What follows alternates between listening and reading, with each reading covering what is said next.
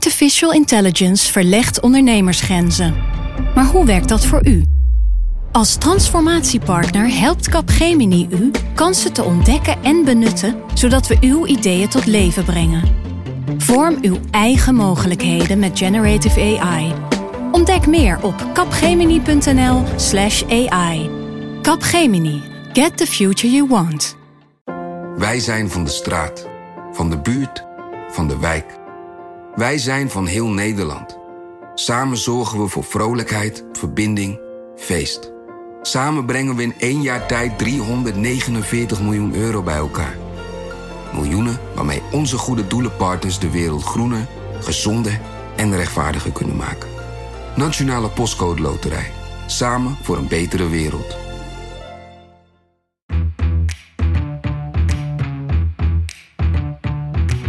Dit is Haagse Zaken van NRC.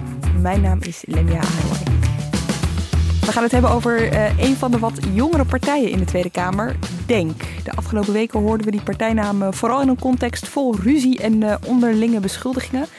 In deze aflevering van Haagse Zaken bespreken we die ruzie wel, maar we gaan vooral terug naar het ontstaan van DENK, vijf jaar geleden. Je hoort over de geschiedenis van de partij, de identiteit, het electoraat en ja, ook wel over die machtsstrijd binnen de partij. En dat doe ik met uh, bij mij in de studio Floor Boon. Floor, jij volgt de partij ongeveer sinds een maand? Ja, iets langer. Vlak voordat de ruzie begon, ja. begon ik met de partij volgen. En uh, de partij volgen, dat is misschien wel goed om een, een, beetje te vertellen hoe dat gaat. Als je een partij gaat volgen, wat betekent dat dan? Ja, je, je, houdt, je houdt in de gaten wat er gebeurt. En in dit, in dit geval begon het vooral met al die uh, kleine ruzietjes en onderling uh, gekift, zeg maar. Maar het gaat eigenlijk over alles wat ze politiek doen, ook wat de achterban doet. Ja, alles wat ermee te maken heeft, zeg maar. Ja, en ik hoorde je de afgelopen dagen af en toe ook wel eens over gesprekken die je bijvoorbeeld voerde met kiezers om de partij wat meer te leren kennen. Ja, deze week heb ik echt heel veel kiezers gesproken uit allerlei verschillende steden om een beetje een idee te krijgen van hoe zij erin staan stonden en staan, zeg maar. Mensen die in 2017, uh, toen de partij voor het eerst meedeed aan de Tweede Kamerverkiezingen, toen ze in de Kamer kwamen, die toen op ze stemden. En hoe ze er nu naar kijken, juist na al deze ruzies. Uh, want op zaterdag 6 juni is een algemene ledenvergadering. En uh, dat wordt door allerlei mensen in die achterban als behoorlijk nou ja, ze kijken er naar uit, zeg maar. Er is veel te bespreken. Er is veel van die ruzie ook uit te praten, zeg maar. Uh, en in, in aanloop daar heb ik allerlei mensen gesproken over hoe zij kijken naar de partij. Ook hier bij ons uh, in de studio, Mark Liefse Adriaanse. Floor, eigenlijk jouw voorganger, want jij, volgt, jij hebt uh, Denk gevolgd sinds de verkiezingen van 2017, hè? Nou, sinds ik eigenlijk bij de krant kwam in het najaar van 2017 mm -hmm. um, tot ja, begin dit jaar. Dus zeg maar 2,5 jaar ongeveer. En uh, die ruzie van de afgelopen weken, kwam dat voor jou als een verrassing? Nou, nee, omdat het eigenlijk de combinatie is van allerlei dingen die al jaren in die partij gaande waren. En dat is nu eigenlijk allemaal samengekomen in deze ruzie, in dit conflict. Misschien is het goed om even uit te leggen waar het conflict over gaat. Ja, waar gaat het niet over? Het gaat eigenlijk over de, over de ziel van de partij, om het wat overdreven te zeggen, maar ook over de toekomst van de partij. En of de partij toekomst kan hebben. Dus je ziet heel duidelijk dat Kuzu en Azarkan, twee van de drie Kamerleden, merken dat de partij eigenlijk niet de ontwikkeling doormaakt die ze hadden gehoopt. Dus een aantal jaar geleden, uh, toen ik de partij ging volgen, was het idee: hè, wij zitten nu in de Kamer, dit is het begin, we gaan nu uitbouwen. We gaan de organisatie opbouwen, een wetenschappelijk bureau, jongerenafdeling, gemeenteraden, provinciale staten, Eerste Kamer, Europa. Um, en dat is eigenlijk ja, matig gegaan. Hè. De partij is wel een beetje uitgebouwd. Ze zitten in een aantal gemeenteraden, maar niet in de Eerste Kamer, niet in het Europees Parlement. En hun analyse is dat het ook wel komt omdat ze niet breed genoeg zijn. Dus dat ze wat moeten gaan verbreden als partij. En uh, uh, um, zij zien daar Selçuk Öztürk, uh, met Kuzu een van de oprichters... en partijvoorzitter en Kamerlid, um, als een staande weg voor. Iemand die het vooral mag naar zichzelf wil toetrekken... en meer het oude denk, zou je kunnen zeggen, vertegenwoordigt. En zij, ja, zij willen vooruit met die partij en denken dat het daarvoor nodig is om afscheid te nemen van Öztürk. Dus zagen we eind vorig jaar af en toe foto's verschijnen op Twitter van Kuzu en Azarkan die dan aan het hashtag nadenken waren over de toekomst van de partij. Een paar van die foto's waren ook in Turkije geschoten. Dus die twee waren ook met z'n tweeën naar, uh, Turkije gegaan. Uh, dat was een vakantie, maar vertelden ze, daarin hebben ze zeker ook nagedacht over de toekomst van de partij. Nou ja, dat, die reis, die kan je wel zien. Hè? Wat, wat Mark zegt, er speelt heel veel onder, onder die ruzie. Maar dat is toch wel een beetje uh, de druppel geweest, zeg maar. daar, daar, daar kan je het naartoe herleiden waar, waar de echte, zeg maar, het echte conflict begon. Uh, want Kuzu en Azarkan maakten dus samen een privéreis, zoals ze dat noemden, naar Istanbul. Uh, maar hadden daar Öztürk niet voor uitgenodigd. En gingen daar wel over politiek praten, over de toekomst praten, over de lijsttrekkers, uh, lijsttrekkerschap praten.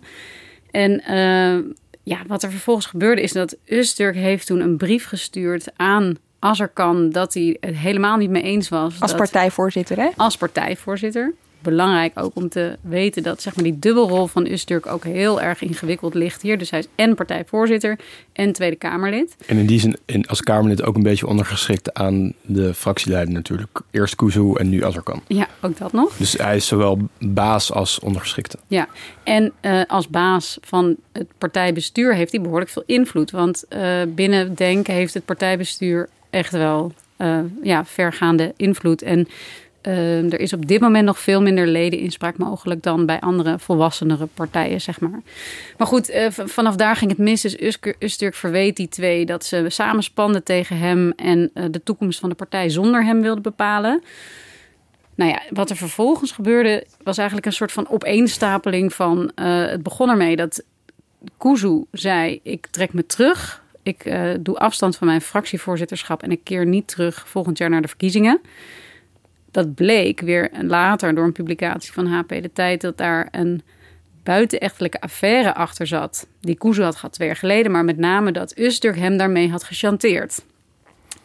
Kuzu die beschuldigde Usturk van een broedermoord. Politieke broedermoordaanslag. Ja, dat.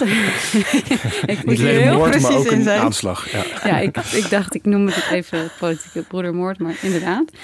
Uh, en nou ja, hè, toen uh, Azarkan werd fractievoorzitter, die begon uh, Usturk op te roepen via filmpjes om af te treden. En vervolgens heeft Usturk Azarkan, dus de partijvoorzitter en tevens Kamerlid, heeft Azarkan, de fractievoorzitter, uit de partij gegooid. Maar dat royement is dan nu weer ongedaan gemaakt. Even, even, even terug naar, naar dat moment waar het hoogtepunt van de ruzie. En uh, Azarkan publiceerde toen een video waarin je hem ziet zitten. Uh, met zijn armen op de leuningen van de fauteuil. Hij zit een beetje achterover. Hij kijkt recht in de camera. En hij zegt tegen zijn oude vriend Usturk... Weet je nog, Selçuk, toen we begonnen aan ons ideaal. En we hebben veel opgeofferd om samen met alle vrijwilligers politieke geschiedenis te schrijven. We hebben doorgezet, zij aan zij met Kuzu omdat we Nederland eerlijker en rechtvaardiger willen maken. Weet je dat nog, Seltjuk? De stem van de ongehoren moesten wij zijn. Tegen de verharding, de verruwing en de verrichtsing. Zoals alleen jij met zo'n mooie Limburgse tongval uitsprak. Oude boef van me. Ik heb je wel eens aangekeken en gezegd... Seltjuk, je bent wel een boefje, maar geen verrader, toch? Weet jullie waar dit filmpje me echt aan doet denken? Wacht, je kunt beter gewoon meteen naar luisteren. Mabel Ken je me nog? Ik jou wel. Snap, snap je de overeenkomsten? Wauw. Lemja. Nee, echt niet? Hoor je het tweede filmpje niet. Nee, dit was Mabel Wisse-Smit. Dit was... Uh, oh, Klaas Bruinsma. Ja, maar dit was dan... Die, uh, die lijfwacht. Die lijfwacht van Klaas Bruinsma. Die dit dan oh. ging zeggen tegen... Mabel. Ja, Peter maar de Peter Vries, de Vries ja. kwam hem toen opzoeken. Ja, dit was... Uh... Ja, het was een beetje dezelfde vibe. Oké, okay, blijkbaar ben ik de enige Ik zat meer te denken aan, aan een, een, film van Martin Scorsese of zo. Anyway, inmiddels is deze uh, ruzie opgelost, zeggen ze zelf. Dat zeggen ze zelf. Ja, ze hebben een uh, statement uh, uitgebracht waarin ze hebben gezegd dat er verzoening heeft plaatsgevonden, constructieve gesprekken en nu is alles over. Is dat ook zo? Ik geloof er helemaal niks van. Uh, ik, uh, liet kijk, even liepen, een, uh, ik liet even een stilte vallen. Wij liepen net vanuit onze redactie naar de Tweede Kamer. Dan heb je, hebben we heel goed zicht op het rookbalkon. En daar zagen wij Usturk en Kuzu heel gezellig samen een sigaretje roken. Ja. Serieus, dat, dat, had ik niet verwacht. Toen dacht ik, hé, hey, klopt dat van die verzoening? Ja, we weten niet. het is wat ze naar buiten brengen. Het is ook misschien wel het enige wat ze kunnen doen om nog een beetje gezicht te bewaren, zeg maar. Ze zullen in ieder geval de intentie hebben om de scherven van deze ruzie zoveel mogelijk op te ruimen. Maar of het verzoening is? Ja, ik, ik geloof er eerlijk gezegd niet zo in. Ik denk dat het misschien nu een soort verstandshuwelijk is dat ze hebben gesloten om. Het, het, het, het leek er even op dat, dat die AOV verplaatst worden uh, naar september misschien. En dan heb je dus een ruzie die in maart is begonnen. Tussen twee mensen die jarenlang hebben samengewerkt. Die ook alles weten van elkaars leven. alle eh, goede dingen, maar ook alle foute dingen. Mhm. Die al hebben getoond dat ze bereid zijn om, zoals in het geval van Usturk, oude kwesties op te rakelen om de ander te schaden. Ik denk dat ze allebei de afweging hebben gemaakt. Ja, willen we dit, dit straatgevecht voeren tot september? Wetende dat we daarmee de partij beschadigen, dat we daarmee onszelf beschadigen. Nou, eigenlijk niet. En dat ze daarmee nu een soort verstandshuwelijk hebben gesloten om in ieder geval richting. Eh, daardoor is in ieder geval de, de, rust in de media weer wat teruggekeerd, de rust in de partij weer wat teruggekeerd. En ook de rust om hen heen eh, weer wat teruggekeerd. Maar mag, kijk, ik toch, mag ik toch even zeggen? Uiteindelijk, het conflict is niet opgelost. hè. Dat is Precies, want, want eh, voordat we zo eh, echt verder gaan met de geschiedenis van de partij, nog één vraag. Want je hebt dus Kuzu en je hebt Usturk. En dat zijn de hoofdpersonen, zou je kunnen zeggen, van, van dit conflict. Maar dan heb je ook nog Azarkan. Wat is zijn rol hierin? Nou ja, Azarkan is sowieso degene... eh, Kuzu en Usturk hebben samen de partij opgericht. We waren eerst allebei samen Kamerlid bij de PvdA. Werden daar uitgezet of stapten op. eh eh, begon hun eigen partij. Eh Azarkan kwam daarbij in 2016. En hij is ja, nu dus fra- fractievoorzitter. Maar zeg maar... Aanvankelijk leek het erop dat hij niet een soort. Hè, dat dit vooral een ruzie was tussen Kuzu en Usturk. Maar je zag ook steeds meer die onderhuidse ehm, ruzie tussen Azarkan en Usturk. Dus hij heeft heel erg partij gekozen, zou je kunnen zeggen, voor Kuzu. Zij staan samen eigenlijk aan één kant. En zij hebben ook, hè, ze maakten samen dat tripje en zo. En ze besloten al wat eerder om eh, ja, een soort andere koers te gaan varen binnen de partij. Eh, ze stonden in het begin erg bekend ook om hun. ja, de partij die, die zei tegen de verruwing te zijn, was juist heel erg. eh, ja, ruw. In ieder geval heel erg persoonlijk in de aanval in de Tweede Kamer en de manier van politiek bedrijven. En dat hebben ze, eh, dat, deed, hè, was een beetje de straatvechter, zeg maar.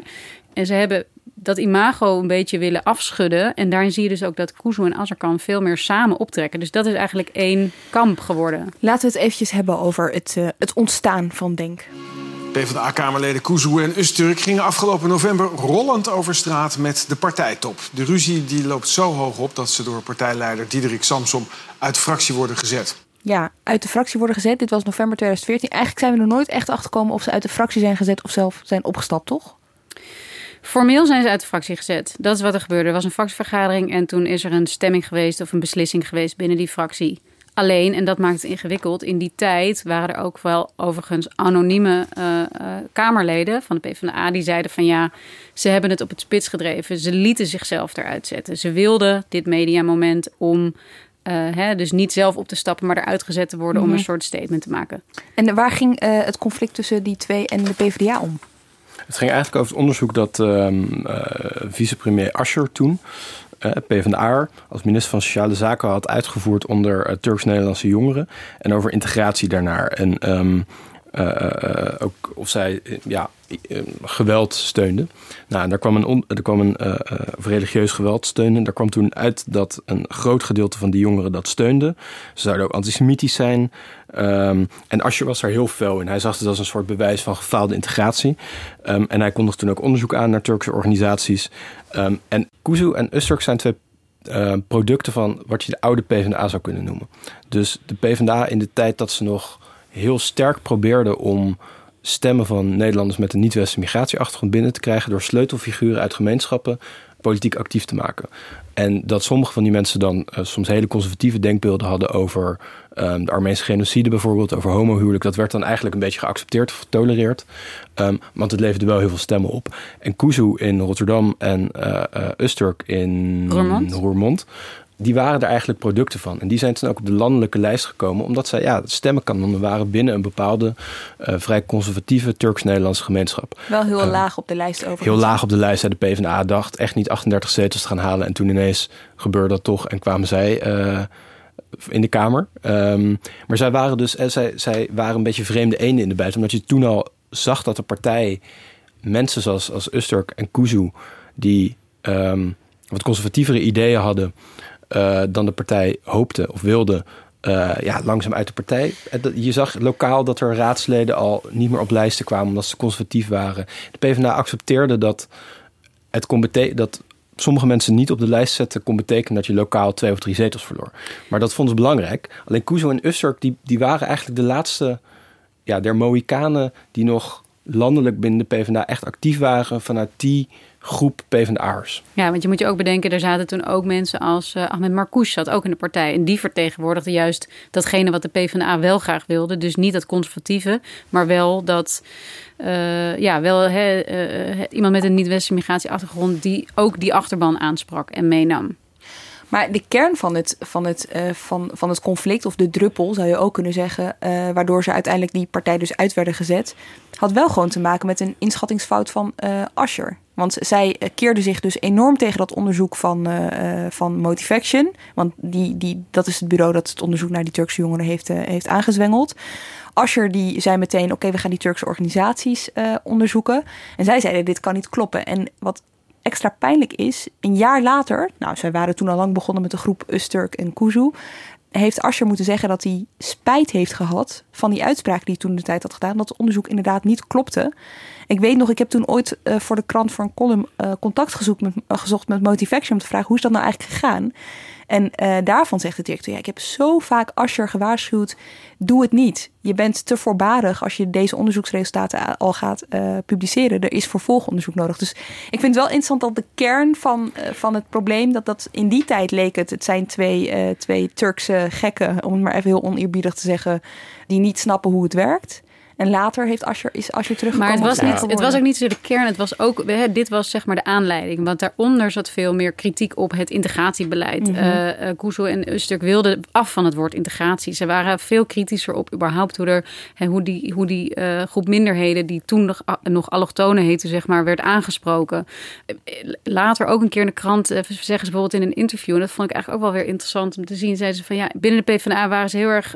kozen ze ook heel duidelijk één kant. En dan noemen ze als voorbeeld voorbeeld van een. Uh, in Rotterdam was er dan een moslima die een wijnbar begon. En die kreeg heel veel kritiek over zich heen. En daar stonden de PvdA'ers in de rij om haar te verdedigen. Maar als twee straten verderop een uh, jonge vrouw met een hoofddoekje geen stageplek kon vinden moesten ze tien Kamerleden uh, mobiliseren of vragen om uiteindelijk schriftelijke vragen ingediend te krijgen. Dus voor hun speelde dat er in tijd ook heel erg in, zeg maar. Ja, ik denk dat, dat ook zonder dit of hele acute of relevante conflict ze uiteindelijk wel in conflict waren gekomen met de partij. Omdat je twee bewegingen zag. Je zag de, partij, of de PvdA die cultureel onder als je iets conservatiever wilde zijn of wat kritischer op integratie. En je zag Usturk en Kuzu die, zoals ik zei, nog heel erg een vertegenwoordiging waren van een bepaalde stroom binnen de PvdA waar de PvdA eigenlijk van af wilde. Dus ook zonder dit onderzoek denk ik dat het op een zeker moment wel echt tot een, tot een botsing was gekomen. En wat ik Al dan niet moedwillig van een van de twee kanten. Wat ik heel interessant vind is op het moment dat dat conflict speelde en ze ging eruit, gebeurde er een heleboel tegelijkertijd. Uh, zo werden ze bijvoorbeeld uh, geframed als extreem islamitisch. En ik kan me nog een, een fragment herinneren waarin Dirk Samsom, toen nog uh, fractievoorzitter van de PvdA, die kreeg dat als vraag en, en die ontkende dat niet. Dus die ging een beetje mee in wat de, dat was toen, hoe heet die, van Po Nieuws ook alweer, Rutger. Rutger. Precies, ja. ja. die stelde die vraag en hij ging er heel erg in mee. En dat was, dat was gewoon heel interessant, dat de PvdA... nou, die, de, de, ja, je, had, je had Kamerleden die, die ineens in de krant zeiden, nou, die Usturk, een hele enge man, die was zijn baard aan, aan het kammen, zomaar op de fractie. En dat moest dan als een soort bewijs zijn dat Usturk eigenlijk een ja. hele jihadistisch of salafist of heel extreem islamitisch was. En het, het, was heel potsierlijk, maar ze werden toen echt geframed als onbetrouwbare... Uh, je eigenlijk schapen, of wolven in schaapskleding. Ja, maar tegelijkertijd, dat vind ik ook wel belangrijk, zat er ook iets anders achter. Namelijk iets wat we in de, in de jaren daarna hebben zien terugkomen, is dat zij heel sterk met name die Turkse uh, uh, belangen wilden behartigen. Ze zijn natuurlijk ook heel lang gezien als een soort van, wat later vaak de lange arm van Ankara is genoemd. En dat zag je later terug in hoe zij omgingen met uh, de erkenning van de Armeens, Armeense ja. Genocide. Maar ook met hoe zij Turks, andere Turks-Nederlandse Tweede Kamerleden bejegenden. Um, hoe ze ja, op allerlei fronten, zeg maar. Dus en, en dat element zat er toen ook al wel in hoe dan ook, in 2015, dus toen dit allemaal was gebeurd en stof was iets gaan liggen, toen zat ik een keer bij Politieke Junks. Ik bedoel, ik ga het zelf maar gewoon even te sprake brengen, want dan hebben we dit gehad, hebben we deze pleister eraf getrokken. Uh, en toen, toen was de vraag, weet je, of overleeft zo'n partij het eigenlijk wel? Um, en toen was mijn antwoord nog. Wat denk jij, Lamia? Gaat deze partij het redden? Nee, om eerlijk te zijn, uh, denk ik het niet. Ik, ik vind het eigenlijk een beetje moeilijk, want aan de andere kant, uh, het is natuurlijk een uh, electoraat dat een beetje moeilijk te peilen is, hè, wordt altijd gezegd. los daarvan hoorde ik ook van, nou, veel, veel allochtonen. Ik weet niet hoe, in hoeverre dit vooroordeel klopt, maar ik ben het er wel gedeeltelijk mee eens. Als ze eenmaal in dat hokje staan en ze zien een allochtone naam, uh, dat ze dat, uh, dat, ze dat uh, aankruisen. Ja, ik weet het niet of dat zo is, maar in dat geval hebben ze het voordeel van de twijfel. Maar ik weet zeker dat als NIDA meedoet, dat, dat, dan, uh, dat dan echt de concurrentie begint. NIDA is een uh, partij in Rotterdam, hè? Uh, ja. ook. Ze noemen je daar nog Lamia. Ja, dat is een verhaal apart. kom, kom ik nog wel een keer op terug. Anyway, uh, ik zat ernaast, want in 2017, na de Tweede Kamerverkiezingen, kwamen ze in de Kamer met maar liefst drie zetels. Met wat voor programma deden ze dat? Wat, wat waren hun ideeën? Ja, ze hadden eigenlijk een, een, een behoorlijk links programma. Je zou kunnen zeggen, voor de helft was het links en de andere helft ging het vooral over racisme en discriminatie. En bedoel je dan sociaal-economisch links? Ja, sociaal-economisch links. Maar ze hadden ook, hè, ze, ze, weet je, uh, om het even over. Uh, ja, ze hadden het bijvoorbeeld over uh, belastingheffing op grote vermogens. maar ook gratis openbaar vervoer voor ouderen. Maar ze hadden dus ook heel erg uh, dingen die gingen over antidiscriminatie, antiracisme. Zoals ze wilden in elke gemeente een arbeidsmigrantenmonument oprichten. Uh, het woord integratie afschaffen. En een soort van, ja, een soort van racisme-register uh, opstellen. Waardoor als er iemand, hè, gekoppeld aan een soort van verklaring omtrent het gedrag, zoals dat dan heet. Dat als je bij de overheid wilde gaan werken en je had in het verleden aantoonbaar iets racistisch uitspraak gedaan, dat je daar dan niet meer zou kunnen komen te werken. Mhm. Mm-hmm. Wat je volgens mij toen zag in die periode was dat Denk echt een diversiteitspartij wilde zijn. Een beweging, hè? Zeiden ze ook de hele ja, tijd. Iedereen wilde toen een beweging zijn. Elke partij was ineens een beweging en congressen waren festivals. Dat zijn Ehm, het nog steeds. Het mag niet meer, hè, in deze tijden. Ja, het mag niet meer. Je kan nog steeds zo noemen. Ehm, anyway, uh, maar je zag toen echt dat Denk wilde de diversiteitspartij zijn. En ehm, daar, daar keken ze ook heel erg naar bij de samenstelling van hun lijsten. Ze hadden dan met Usturk en Kuzu, was hun uh, analyse, twee Nederlanders met een Turkse achtergrond. Nou, met Azarkan iemand met een Marokkaanse achtergrond. Met Sylvana Simons iemand met een Surinaamse achtergrond. Um, ze hadden toen een woordvoerder die volgens mij een Hindoestaanse achtergrond had. Ze probeerden mensen uit de Pools-Nederlandse gemeenschap erbij te halen. Um, om te laten zien, en wij zijn niet alleen twee uh, Nederlands-Turkse mannen die uit de PvdA zijn gestapt. Wij hebben een stap vooruit gedaan. Wij willen echt een brede diversiteitspartij zijn die zich afzet tegen racisme en discriminatie. En die ook de groep Nederlanders met een niet-westerse migratieachtergrond, die het goed doet in de samenleving, die opgeklommen is, die mee wil doen, maar toch het gevoel heeft niet mee te mogen doen, die vertegenwoordigen. En dat is een hele grote groep. Dat zijn niet alleen mensen met een Turkse achtergrond, maar ook met al die andere achtergronden. En als we uh, sleutelfiguren uit, of uh, bekende gezichten, mensen die, die aanzien hebben in gemeenschappen, op de lijst zetten, dan halen we die mensen binnen. En dan kunnen we ook echt laten zien dat wij een brede diversiteitspartij zijn. Ja, en uh, ook een beetje met het idee van wen er maar aan. Dat is ook wat, wat ze vaak zeiden. Wen er maar aan dat wij, zeg maar, hè, dat er migrantengemeenschappen er ook zijn. En dat we niet meer weggaan. Dat wij ja, een plek dus hebben in deze emancipatie maatschappij. en verheffing Ja. van een groep kiezers, die zowel maatschappelijk als politiek eigenlijk, ja, ik zou niet zeggen achtergesteld per se is, maar toch vaak gediscrimineerd wordt. Uh, Nou, en nog weinig vertegenwoordiging vond ook in de, in de politiek, zeg maar. Weet je, de PvdA deed het, hè, die probeerden het wel heel erg nadrukkelijk, maar ook voor een deel. Uh, de SP ook wel een klein beetje. Maar uh, er was eigenlijk tot dan geen enkele partij die zich zo nadrukkelijk en specifiek voor die groepen inzette. Nee, jullie hebben het erover. Ze, ze vroegen dus een aantal sleutelfiguren uit verschillende gemeenschappen binnen Nederland om zich uh, aan te sluiten. Een van die mensen was dus Sylvana Simons. Ja, um, dat ging niet zo goed. Dat ging zeven maanden goed. En uh, na zeven maanden kreeg ook zij een uh, persoonlijke videoboodschap van Farid Azarkan. Beste Sil, ik hoor in de media dat je Denk verlaten hebt. Ik moet terugdenken aan onze eerste ontmoeting in Amsterdam. We dronken koffie en je vertelde met passie en bevlogenheid over de zorgen die je had. Over jouw strijd voor een beter Nederland. Daarna hebben we een aantal keren met Selçuk en Toenanger gezeten. Wat begon met koffie, eindigde in een belofte. We keken elkaar diep in de ogen en besloten samen te gaan voor een eerlijker en rechtvaardiger Nederland. Voor onze kinderen en kleinkinderen, riep jij er nog bij. Ja, en, en, Sylvana Precies Simons... dezelfde toon, hè? Het is ja, echt, ja. echt Ja. opmerkelijk. Ja, het is, het, is, het, is, het is echt een, een, eenzelfde Een toon. specialiteit van hem. Oh. Uh, Simons uh, die zei daarna er zelf ook over in RTL Late Night uh, in januari 2017. Uh, want je zei het net al eventjes, Mark, hè, je, ze wilde echt iets toevoegen. Ze wilde al die groepen bij elkaar ha halen om iets toe te voegen. En zij zei, ja, ik had niet het idee dat ik kon toevoegen waarvoor ik was gevraagd. Ja, in de kern zijn dit de twee punten. Uh, mijn idealen kwamen daar niet uh, vol tot hun recht. En um, de manier waarop men met mij omging, uh, daar ben ik enorm in teleurgesteld geraakt. Wat was dat dan? Hoe ging het met dat is een, dat is een van de dingen die, die je net aankaarten. En het is, mij niet, het is voor mij niet de bedoeling en, en om, om een trap na te geven, om slecht te praten. Het was niet allemaal verschrikkelijk. Uh, ook inhoudelijk zijn er zeker punten waarop we elkaar gaan ontmoeten in de Tweede Kamer straks. Dat lukte niet helemaal. Artikel 1 is natuurlijk nooit uh, gekozen in de Kamer. Maar zouden jullie, als we nu terugkijken op die periode, waar is het misgegaan? Waarom is het niet gelukt om die groepen samen te brengen? Dan heb ik het niet per se over Simons hoor, maar Om, dat idee weet je wel van die partij die ze wilden zijn. Van mensen die in die groepen zitten niet stemmen als onderdeel van die groep mensen maken toch, denk ik, vaak. Uh, een bredere keuze. Een bredere keuze. Uh, dat is denk ik één reden. Dus het is niet zo simpel. Uh, het, het, is ook een beetje paternalistisch om te denken... nou, we zetten iemand uit mm. de Surinaams-Nederlandse gemeenschap neer... en die, stemt al, die gemeenschap stemt en blok op ons. Dat, dat is eigenlijk een soort jaren zeventig denken... wat je toen bij veel partijen zag. Ik denk dat dat een reden is. Tegelijkertijd botsende persoonlijkheden.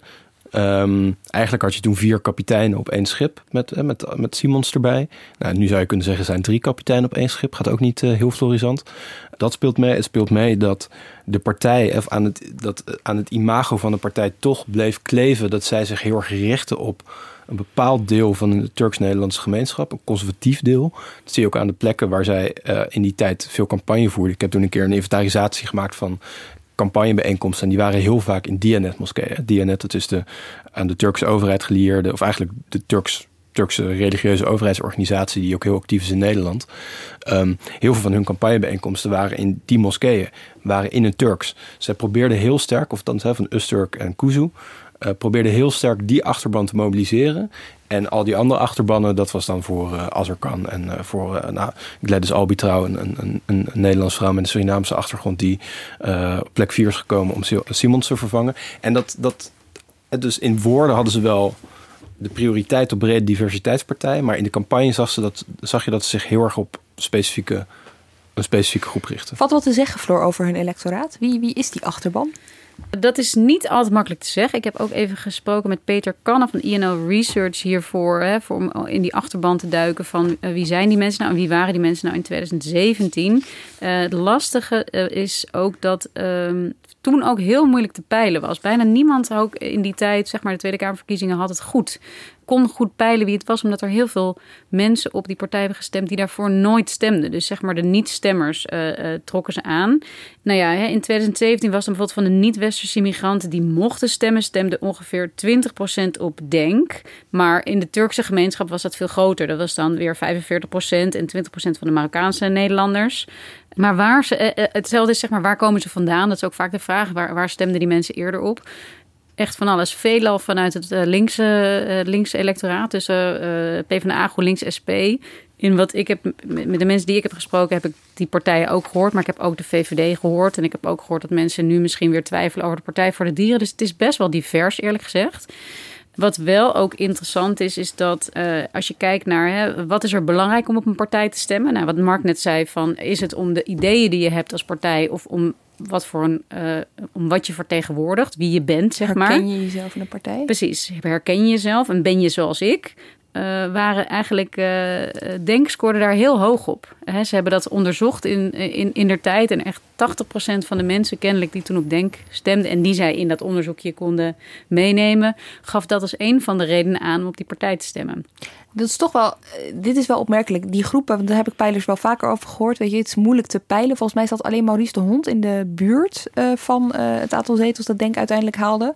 Dat komt omdat hij een eigen bedachte formule heeft. Um, waarmee, die waarmee die zegt, ja, in die peilingen die ik doe, zijn die groepen ondervertegenwoordigd. En als ik deze formule gebruik, dan weet ik ja, het, het, gewoon, het is gewoon wegen van, van ondervertegenwoordigde groepen.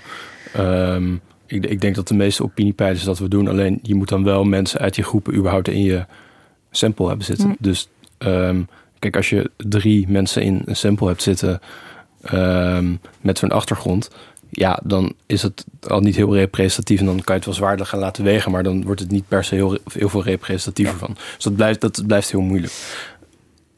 Ik kan me herinneren, ik ben in voorbereiding op de gemeenteraadsverkiezingen naar een wijk geweest. Waar ik, ik heb toen ook nagevraagd bij iemand van kan je mij vertellen waar zit nou echt waar zitten echte denkstemmers? Wat zijn dat voor wijken? Uh, nou, toen ben ik in een wijk in Schiedam terechtgekomen. Naast het spoor. En heel, op vrijdagmiddag een heel leuk gesprek gehad in een, een Turks koffiehuis. En dat was een wijk waar echt heel veel, nou, ik geloof 40% denk stemde. Had gestemd bij de Tweede Kamerverkiezingen. Waar heel veel mensen woonden met een Turkse achtergrond. Maar waar in economische zin, je zag daar de, klassieke portiekflatjes uit de jaren 60, maar ook nieuwbouwhuizen. Waar um, zeg maar, de mensen wonen die, die ja, een stap hadden gezet. De multiculturele middenklasse als het ware. Die stemden vaak ook nog wel op Denk. Dus dat is eigenlijk die groep die zij ook met het antidiscriminatiestandpunt probeert te bereiken. Mensen die een stap hebben gezet maatschappelijk, maar toch het idee hebben niet mee te mogen doen. Die hopen ze ook heel sterk te, te, te bereiken. Ja, dat, ik, ik vind dat dus uh, Floor, jij legde net al uit dat bij denkstemmers uit dat onderzoek bleek dat die vertegenwoordiging heel zwaar woog. Ja. Um, dat was dus voor de Tweede Kamerverkiezingen van 2017. Nu hebben we natuurlijk een periode gehad waarin Denk zich heeft kunnen bewijzen of niet. Hè? Dus ook voor die, uh, voor die stemmers. Jij hebt uh, de afgelopen dagen een aantal kiezers gesproken. Totaal niet representatief natuurlijk. Maar goed, om een beeld te krijgen. Wat hoor je van hen? Nou, wat ik heel opmerkelijk vond is dat uh, ik hoor mensen die heel kritisch zijn op wat er nu gebeurt. Ook op de mm -hmm. ruzie die er nu is. En, en, en, en die echt wel heel erg graag willen dat er dingen gaan veranderen binnen die partij. Maar ook ongelooflijk betrokken mensen die ook super loyaal zijn eigenlijk. En die, uh, ondanks wat er nu allemaal is gebeurd, zeggen van ja, maar dit is wel de enige partij eigenlijk die mijn stem kan vertegenwoordigen. Dit is de enige partij nu in het parlement uh, uh, aan wie ik mijn stem zou willen geven, omdat er niemand anders is die voor mij op zou kunnen komen. Maar dan laat je je dus vertegenwoordigen in letterlijk alleen maar je minderheidspositie. En niet zozeer in, uh, nou ja, weet ik veel, uh, hoe jij vindt dat ons onderwijs in Nederland geregeld zou moeten worden. Of uh, je pensioenen of nee, de arbeidsmarkt. Niet, daar waren mensen niet heel specifiek over, maar wel over een soort van links sociaal-economische agenda. En dat is ook wel wat Denk altijd heeft, dat is ook wat er in het verkiezingsprogramma staat. Alleen de vraag is, wat is er van terechtgekomen in die afgelopen jaren? Je ziet ook dat ehm, de Kamerleden zijn heel actief geweest in debatten en ook in bijvoorbeeld het indienen van moties, maar ze hebben nog nooit een eigen wetsvoorstel ingediend. En dat, uh, er zijn ook mensen binnen die partij die zeggen, ja, we moeten nu volwassen worden. We moeten niet alleen maar reageren of alleen maar voor de bühne of alleen maar iets hè, laten zien dat je iets voor elkaar kunt krijgen. We moeten veel, ja, veel um, uh, sterker onze eigen uh, koers gaan varen en ook daar proberen medestand voor te krijgen. Maar wat ik dus echt wel interessant vond om te horen is dat zowel de ruzie al waren mensen daar echt wel kritisch op en wel met een soort voorbehouden van het moet nu wel afgelopen zijn en laat ze elkaar dan in de achtertuin de tent uitvechten, zolang ze maar aan de voorkant net de politiek bedrijven. Um, uh, heeft ook de, de, de, de, de manier waarop er hiervoor politiek werd bedreven, die ruwigheid, zeg maar onderling en naar anderen toe, die is niet als uh, belemmerend ervaren in ieder geval om, uh, om ze te blijven steunen. Nee, maar goed, kijk, als je, als je een flink wantrouwen hebt in de gevestigde orde en in de, de manier waarop andere partijen uh, politiek bedrijven, ja, dan, vind ik het niet heel onlogisch dat je er ook weinig moeite mee hebt als zij, als jouw partij op een hele ruwe manier die macht aanvalt. Uh, en dat het dan soms niet chic is, nou ja, oké, maar ze beuken in ieder geval op de poorten van de macht. Je kan me dat vanuit, vanuit kiezers, kan ik me dat nog wel voorstellen. Ik bedoel, eh, SP-kiezers in halverwege de jaren negentig, die vond het fantastisch om Jan Marijnissen in de Tweede Kamer heel fel te horen oreren uh, tegen andere partijen. En dat Jan Marijnissen even dimmen zei tegen de Kamervoorzitter. Vond het fantastisch. Hè? Andere partijen dachten, jeetje, wat, wat is dit? Maar als je vanuit een soort systeemkritiek op een partij stemt... dan vind je denk ik ook heel goed als die partij vervolgens die systeemkritiek omzet in een fel geluid. Ja, nou dat is ook hè, dat is precies dit. Alleen het grappige is, je hoort dus mensen zeggen van nou het was nodig. Ze hadden dit nodig om zichtbaar te worden, om zich in te vechten, om te laten zien wie ze zijn en waar ze voor staan. Maar is aan de andere kant, het wordt nu wel tijd om dat te laten. Nu is het tijd om constructief te worden, om te laten zien dat je ook brede samenwerkingen uh, kunt aangaan uh, met, uh, met andere partijen en niet alleen maar overal tegenaan schoppen, zeg maar. Nou, eigenlijk, het gekke is natuurlijk dat ze het afgelopen jaar, eh, Denk is natuurlijk eh, befaamd en bevreesd geworden vanwege de filmpjes die ze maakten over andere Kamerleden. Dat ze dat het afgelopen jaar eigenlijk bijna niet meer gedaan hebben. Dus eh, Denk eh, framede dan uh, filmpjes met, met Kamerleden met met name uh, niet-westerse migratieachtergrond en met name een Turkse achtergrond. Um, en dat hebben ze nadat de Kamer zich daartegen uitsprak, ook via motie, hebben ze dat eigenlijk niet meer gedaan. Nee, aan het begin was dat ook echt iets nieuws. Hè? Ja. En ik kan me nog een moment herinneren van uh, Khadija Arib, de Kamervoorzitter, dat zich daar ook best wel fel tegen uitsprak. U heeft uh, selectief stukjes uitgeknipt en op YouTube gezet. En dat doet u niet voor de eerste keer. Dat heeft u een paar keer gedaan, ook bij collega's. En daar moet u echt mee ophouden. Voorzitter, iets meer rekening houden met elkaar mag. En ik vraag me af, waarom bent u zo boos? Omdat u eigenlijk de regels die wij met elkaar hier afspreken niet respecteert. Nee, u kapt het af en dat Ja. vind ik ook niet zo chic. Dank u wel. Maar ik weet voldoende, voorzitter. Weet u wat wel. niet chic is? Dat u uw stemmingen aanvraagt, een hoofdelijke stemming, en collega's met knip- en plakwerk op YouTube zetten. Dat is niet chic en dat is Kamerlid onwaardig. Ja, je ziet echt al vanaf het begin dat er een enorme frictie zit tussen Ariep en Usturk en Kuzu. Waarbij een paar weken geleden de, eerste vragenuur weer eh, sinds eh, de corona-uitbraak, waarbij Usturk op een gegeven moment eh, een vraag ging stellen volgens mij. En Ariep zei, oh meneer Usturk, daar bent u weer. Nog namens Denk neem ik aan.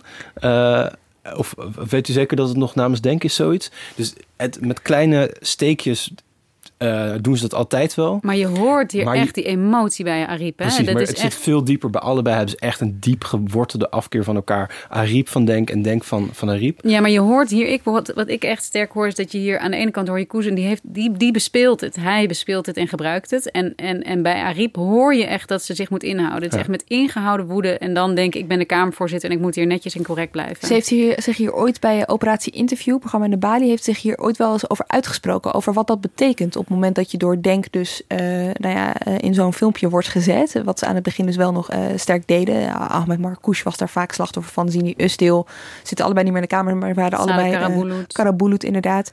Weet je wel, wat voor drek je dan over je, over je heen krijgt. Dus het is wel echt een issue geweest.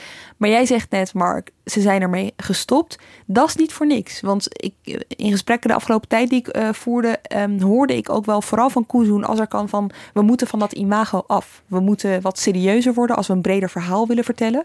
Daar denken ze op dit moment dus over na.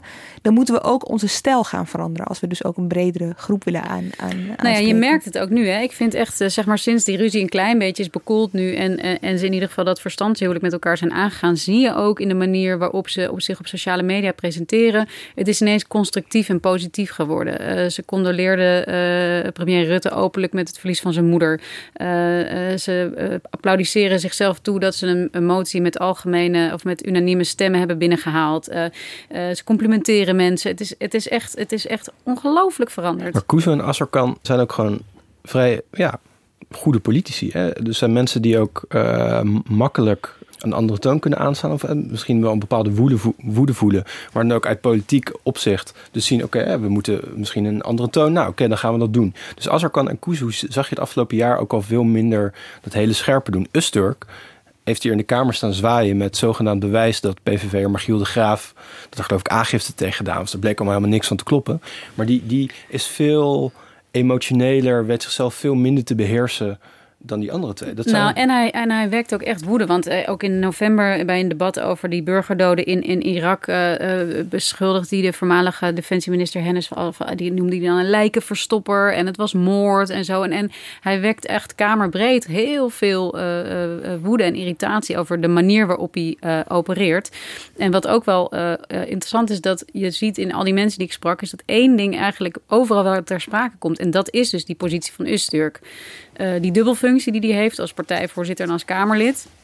Eh, daar willen mensen echt wel vanaf. En die oproep die al eerder werd gedaan, ook door Azarkan, maar ook door anderen aan het bestuur om af te treden. Ja, daar, daar moet hij zich nog over gaan uitspreken. eh, of hij aanblijft of niet. Er zijn mensen die zeggen: als hij blijft, ga ik weg. Er is een, een, een groep. Leden bedoel je dan? leden, ja, Ja, ja. de kiezers. Er is een groep jonge kiezers die heeft zich verenigd en die noemen zich eh, Nieuw Democratisch Denkers. En die hebben ook gaan allemaal moties indienen eh, omdat ze democratisering willen, omdat ze structuurveranderingen willen binnen die partij en ook echt willen dat dit niet meer kan in de toekomst. Dat mensen dus en een politieke en een bestuurlijke functie samen vervullen.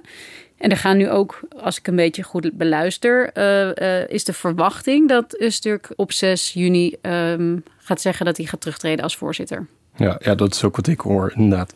En dat het zou maar, ja, ik, ik toch ik bedoel, het zou kunnen hoor. En het zou heel goed, het, het zou misschien voor de partij ertoe leiden dat het conflict wat minder wordt.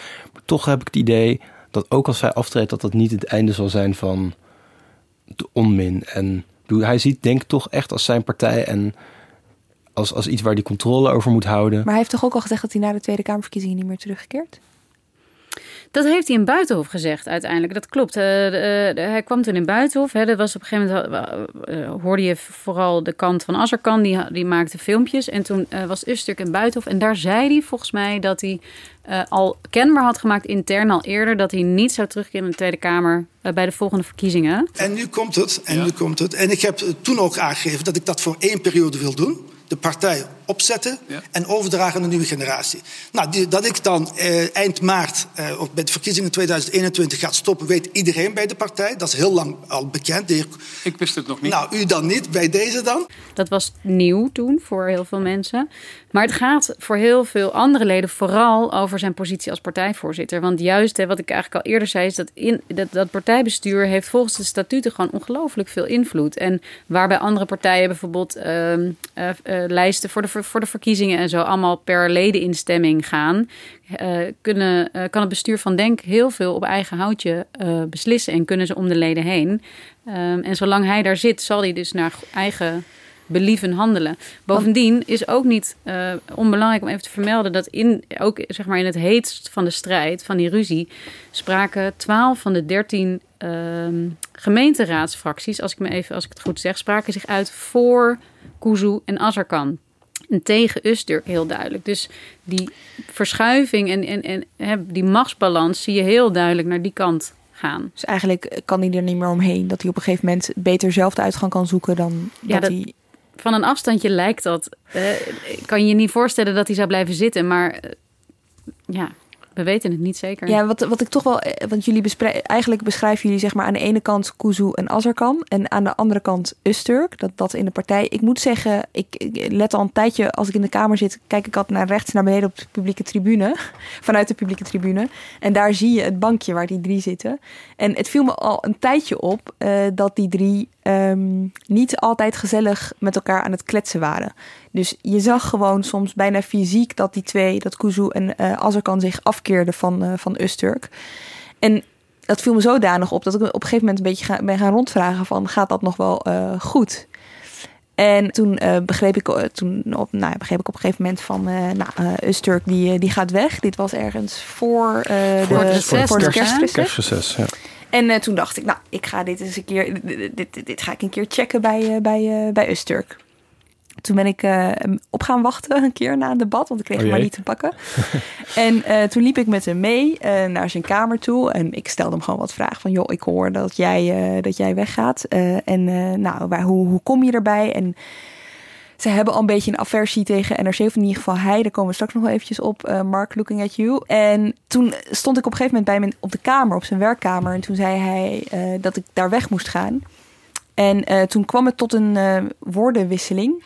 En toen wees hij naar een prikbord achter mij. En daar staat een foto op van onze collega Joep Dome. Die heeft ooit een stuk geschreven over uh, de uh, ja, financiële belangen van, uh, van Usturk. Laat ik het zo maar samenvatten. Toen zei hij, en er stond onder die foto staat dan de tekst Wanted. En toen zei hij tegen mij, jij komt ook op dat prikbord te hangen. Ik zei, nou prima. Maar beantwoord nu maar gewoon eventjes mijn vragen. Nou ja, en toen heeft hij me uiteindelijk nou ja, fysiek gewoon uit die kamer gezet, zo'n beetje. En dat is wel een beetje exemplarisch ook voor de manier waarop die partij met de pers omgaat. Nou, ik wil, dit is echt, hè, dat je dit zegt, dat Joep de Ome daar nog steeds hangt, is interessant. Want dat stuk schreef hij samen met Jeroen Wester overigens. Dus kennelijk zijn ze daar ook vrij selectief in wie ze uh, uh, daarvan dan op het prikbord hangen. Zeg je nou dat ook Jeroen Wester op het prikbord, moet komen? Over, wat okay. zeg je nu? Oh jee. Oké, kat. maar um, nee, dat was in 2016, dat was nog voordat ze in de Tweede Kamer kwamen, kwam er een stuk over uh, de financiële uh, belangenverstrengeling in, in, in, in, in Zuid-Limburg, waar uh, Usturk dus heel lang in de gemeenteraad zat, voor de PvdA ook in Roermond. en na die, of eigenlijk vlak voor die publicatie, kwam Denk met een echt inmiddels befaamd geworden filmpje met uh, Savannah Simons ook toen nog. Maar er is tegenwoordig nog een vierde macht. Jazeker. En die vierde macht, dat is de media. Zij handelen als poortwachters voor de gevestigde orde en bepalen daardoor voor een groot deel wat jij en ik als waarheid voorgeschoteld krijgen. Dit heeft verstrekkende gevolgen. En ook hierbij wordt gebruik gemaakt van een drietrapstactiek. De eerste stap is dat de journalist zich als een regisseur gedraagt en gaat graven in het verleden om daarmee de verdenking te laden. De tweede stap is dat de journalist zich als een openbaar ministerie gedraagt en als het ware een strafeis gaat opstellen.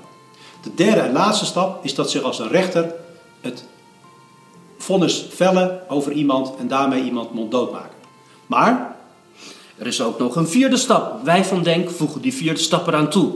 Want jij bepaalt waar je wel of niet in gelooft. En wij geloven erin dat jij wijs en verstandig genoeg bent om door dit spel heen te prikken. Trap er dus niet in. Er zijn gewoon een paar klassieke fragmenten uit de politiek, zeg maar, die je nooit vergeet. En dit is echt één van. Trap er niet in. Ja, maar het, het zegt inderdaad veel over de omgang van de partij met media. Ehm, en ik denk vooral, wat je zegt, vier jaar later hangt, die, die, die poster er nog steeds. Ik denk vooral ook iets over de, het eergevoel van Usturk. En de rancune die Usturk kan voelen naar mensen die hem ooit iets hebben aangedaan. Usturk gaat erin vrij ver. Het iemand die nog precies weet wat je een keer eerder tegen hem gezegd hebt en dan uh, dat ook tegen je wil gebruiken. Iemand uit de partij vertelde me, hij uh, appt nooit echt iets. Dus hij, als je hem wat appt, dan antwoordt hij met uh, oké of helemaal niet. Dus hij laat niet echt een paperture achter. Als hij met je wil praten, doet hij dat lopend. in plaats van op één locatie, want dat zou, ik weet niet, afgeluisterd kunnen worden of gefilmd hij denkt heel erg na over het materiaal dat, dat andere mensen over hem hebben of kunnen hebben, of dat hij over andere mensen kan hebben. Dus ik heb ook wel meegemaakt dat ik hem dan tegenkwam. En dan uh, begon hij over een gesprek dat we maanden eerder hadden gevoerd. Op een hele, ja, intimiderend is overdreven, maar wel op een, op een uh, tergende, uh, wantrouwende, een beetje venijnige manier daarmee begon te spelen. Om ook jou uit de tent te lokken. En jou een beetje ja, op de kast te krijgen. Um, nou, en hij nam zeker, ook gesprekken op hè, met journalisten. Zeker. Dat deed niet alleen hij, maar dat ik deden heb, ik alle, alle gesprekken die ik, met, met, die ik met hem voerde, had ik het idee... ik moet dit gesprek voeren met het idee dat ik opgenomen word. En dat het tegen me gebruikt kan worden. Er is ook uh, Tom-Jan Meus, onze uh, politiek columnist, heeft ook een keer opgeschreven over hoe uh, Jeroen Stans, die toen nog voor BNR geloof ik werkte, daar ook iets bij hun kwam, een gesprek kwam voeren. En dat hij gewoon voelde hoe de sfeer als echt als een blad aan de boom draaide ze om. en begonnen ze dingen die hij had gezegd tegen hem te gebruiken. Het was een voor een, documentaire. Er werd toen een documentaire gemaakt over die partij. En Jeroen Stans, die nu bij Nieuwsuur zit, die kwam wederhoor halen voor een verhaal geloof ik. En die werd eigenlijk door Usturk en Kuzu aan de tafel gezet. En ze haalden de documentaire ploeg erbij. Ze hebben ze hem voor de camera's van die documentaire ploeg eigenlijk geprobeerd de lessen te lezen. Um, Terwijl ze daarvoor nog juist heel vriendelijk en voorkomend precies. waren. Precies. En dat hebben ze ook overigens bij meer, uh, bij meer politiek journalisten met die cameraploeg ook gedaan. Ja, want we noemen Ustuk, maar ik kan me ook nog herinneren dat in 2017 uh, eh, twee collega's van ons, uh, Hugo Lochtenberg en Andreas Kouwhoven, kwamen met een groot verhaal over het trollenleger dat Denk online in zou zetten om hun boodschap zoveel mogelijk te verspreiden en dus mensen aan te vallen die dat niet deelden. En op dat, daarna maakte uh, Kuzu en Azarkan een filmpje waarin ze dus de namen van die journalisten noemden, maar ook hun foto's plaatsten. De NRC publiceerde vrijdagavond een artikel van Andreas Kouwenhoven en Hugo Lochtenberg met nieuws over Denk. Vandaag was het voorpagina nieuws en het werd klakkeloos overgenomen door de NOS, het AD en uiteraard de Telegraaf. Waarom vraagt geen enkele journalist in Nederland, echt geen enkele journalist, hoe de NRC aan deze informatie is gekomen. Dus het is ook vaak verdacht maken hè, van media en hoe ze aan hun informatie komen. Het is misschien wel goed om even de vergelijking te trekken met andere partijen. Want wie hier niet elke dag rondloopt en als journalist dus vragen stelt aan partijen, die zal denken: oké, misschien dat meer partijen er op deze manier mee omgaan. Durf je een vergelijking te trekken? Nou, je ziet vaak natuurlijk instrumentele woede. Uh, dus de, er heeft een, een, kritisch stuk gestaan over een partij of een politicus. En iemand is dan boos en beantwoordt even je telefoontje niet. En dan een week later uh, is dat allemaal weer voorbij. Dus hij om even te laten weten, ik was boos en ik vond het niet leuk, maar prima. Bij hun is het veel is het structurele woede. en ik denk dat wij als NRC de meest gehate krant zijn uh, bij, bij Denk. Hoe komt dat? Nou, door bijvoorbeeld die onderzoeken over de financiën van, van Usturk, het onderzoek over de trollen. Ik denk vooral dat, eerlijk gezegd. Hoor. Ja. Kijk, de Telegraaf is ook behoorlijk mikpunt. Maar NRC heeft gewoon echt een paar hele uh, grote onderzoeken gedaan. En, en daar ook echt behoorlijk heftige, of heftige, maar in ieder geval uh, behoorlijke dingen blootgelegd. Zeg maar. Zoals dus die belangenverstrengeling in uh, Limburg. die, die Usturk en de partij toen heel erg slecht uitkwamen. Zoals het trollenleger dat ze inzetten. dat, dat was ook iets dat, hè, ze deden dat. En, en dat leverde hun heel veel sociaal verkeer op, zeg maar, op de sociale media. En ook, hè, ze vielen dus trollenlegers, vielen opponenten aan en zo. Ja, uh, het zag er niet zo mooi uit toen dat naar buiten kwam. Dus ze voelden zich echt bedreigd door NRC. Ja, en inmiddels heb je dat uh, eens in de zoveel tijd... als wij Usturk tegenkomen in de Tweede Kamer... dat hij dan uh, vanaf de roltrap roept... NRC denkt mee... NRC denkt mee. En dan probeert hij met... Snap je? Snap je wel? Precies Snap zo je? met, Ja. zijn, met vingers naar zijn hoofd van snap je wat ik zeg? NRC, NRC denkt mee. Nou, dat vindt hij zelf hilarisch.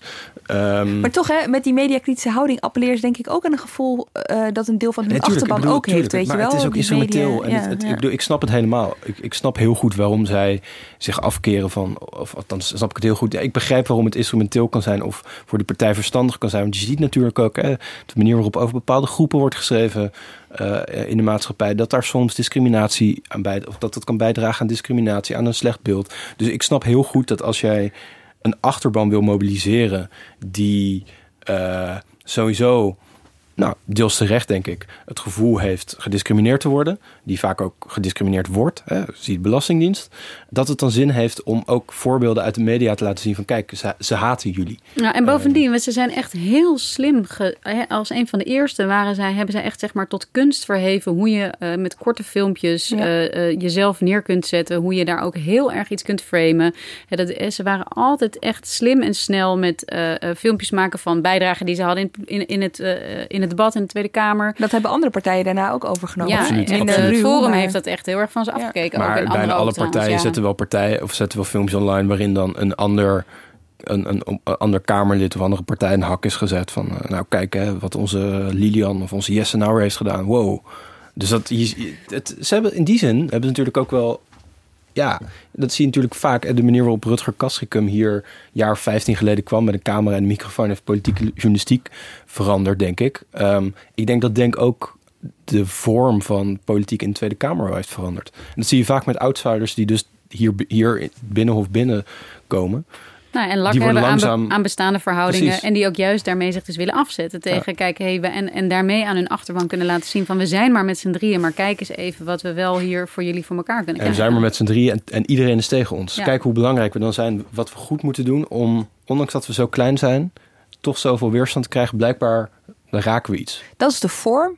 Nog even over de inhoud toch? Want jij zei eh, net al eventjes, eh, ze, weet je, moties en zo dienen ze in. Een wetsvoorstel, dat is nog niet gebeurd.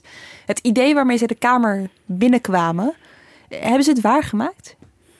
Ja, dat ligt er maar net aan wat je zegt als wat is, wa- wat is waargemaakt, zeg maar. Hè? Ik bedoel, iedere partij stelt een verkiezingsprogramma op... en wil natuurlijk het liefst dat daar zoveel mogelijk van wordt uitgevoerd. Als je al niet in een regering terechtkomt, is dat al helemaal ingewikkeld. Dus Ja, hebben ze op de agenda kunnen zetten wat ze op de agenda wilden zetten? Nou ja, kijk wat er deze week gebeurt. Ik bedoel, dat hebben zij niet op de agenda gezet per se. Maar als je kijkt naar eh, een onderwerp wat zij dus al heel lang proberen te agenderen. Dan heb je het eh, over, het antiracisme, over de antiracisme demonstraties bijvoorbeeld. Dan heb ik het over de antiracisme demonstraties met zeker. Maar ook het institutioneel racisme eh, waar nu over wordt gesproken. Dat is al iets wat zij al veel langer proberen te agenderen.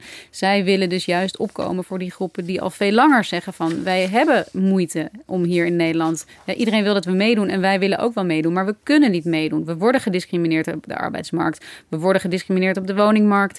Eh, we hebben, hè, er is kansenongelijkheid. En het, het moeilijke is natuurlijk, hebben zij dat gedaan Precies. of hadden ze de tijd mee? Ehm, ze hadden zeker de tijd mee, maar eh, ze waren er ook wel eh, om dat misschien af en toe nog extra te benadrukken. Ja, en ik denk dat ze ook eh, hebben, hebben gezien dat daar gewoon een gat lag bij andere partijen. Dat andere partijen dit onvoldoende zagen op een netvlies hadden.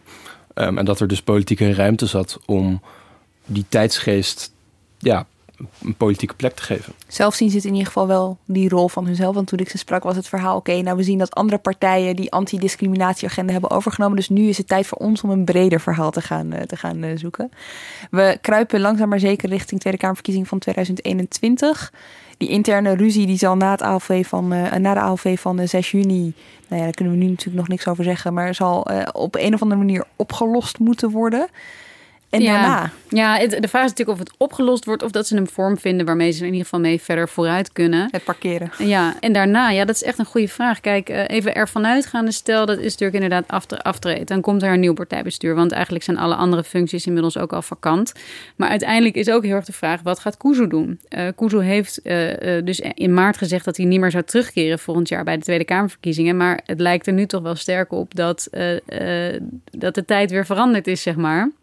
Hetgene waarvan, wat hij toen niet wilde dat naar buiten zou komen, namelijk een buitenechtelijke affaire, eh, die, die ligt zo al op straat. Daarvoor hoeft hij niet meer eh, zich terug te trekken. Dus En hij heeft heel veel steun gekregen de afgelopen tijd vanuit de denkachterban. Wat mij heel erg opviel was toen dit op het heet van de strijd als je de Facebookpagina van, van Usturk bekeek, daar kwam enorm veel haat vanuit de achterban, ook in het Turks. Hij is zijn pagina op een gegeven moment zelfs verwijderd. Ja. Kuzu kreeg heel veel steun van. hij plaatste dan lange berichten op Facebook over wat er gaande was. En heel veel mensen, nou goed zo Toenehan, uh, goed dat je de, goed blijft strijden. Dus ik denk dat hij ook wel gezien heeft dat, dat zijn populariteit in de achterban groter lijkt te zijn dan de populariteit van Usturk. En dat hij, dat zou ook een reden kunnen zijn om toch door te gaan volgend jaar. Ja, ja, dat denk ik ook. Je ziet het ook, hè. ook al die mensen die ik spreek, iedereen ziet gewoon kwaliteiten van, uh, van Kuzu en van Azarkan. Goede politici kunnen daar echt mee, uh, zijn in staat zeg maar, om uh, en de taal van de Tweede Kamer te spreken, maar tegelijkertijd ook naar de achterban. Ja, de vraag is heel erg hoe ze dit intern gaan doen en, en, en ook wat voor een campagne ze gaan voeren. Ik bedoel, ze hebben in ieder geval tijd mee als je het hebt over, uh, over de maatschappelijke uh, onrust die nu is mhm. ontstaan, over discriminatie, racisme, et cetera. Ja, we, we, gaan het zien. Jij hebt in ieder geval dus een paar mensen gesproken. Als je wil lezen wat Floor heeft gehoord van hem, meer erover wil lezen, dan zetten we een linkje naar dat artikel in de show notes. Kun je die daar vinden. Dankjewel, Floor Boon. En dankjewel, Mark Liefse Adriaanse. Dank ook voor het luisteren. Redactie en productie van deze aflevering waren in handen van Iris Verhulstonk. Volgende week dan zijn we er weer. Ik zou zeggen, tot dan. Ik ben al jaren ondernemer, maar waar moet ik eigenlijk allemaal aan denken nu ik voor het eerst personeel wil aannemen, voor het eerst ga importeren of voor het eerst een bedrijfslocatie zoek? Weet wat je wel of niet moet doen bij zaken die je voor het eerst oppakt. Check kvk.nl voor praktische stappenplannen. KVK. Hou vast voor ondernemers.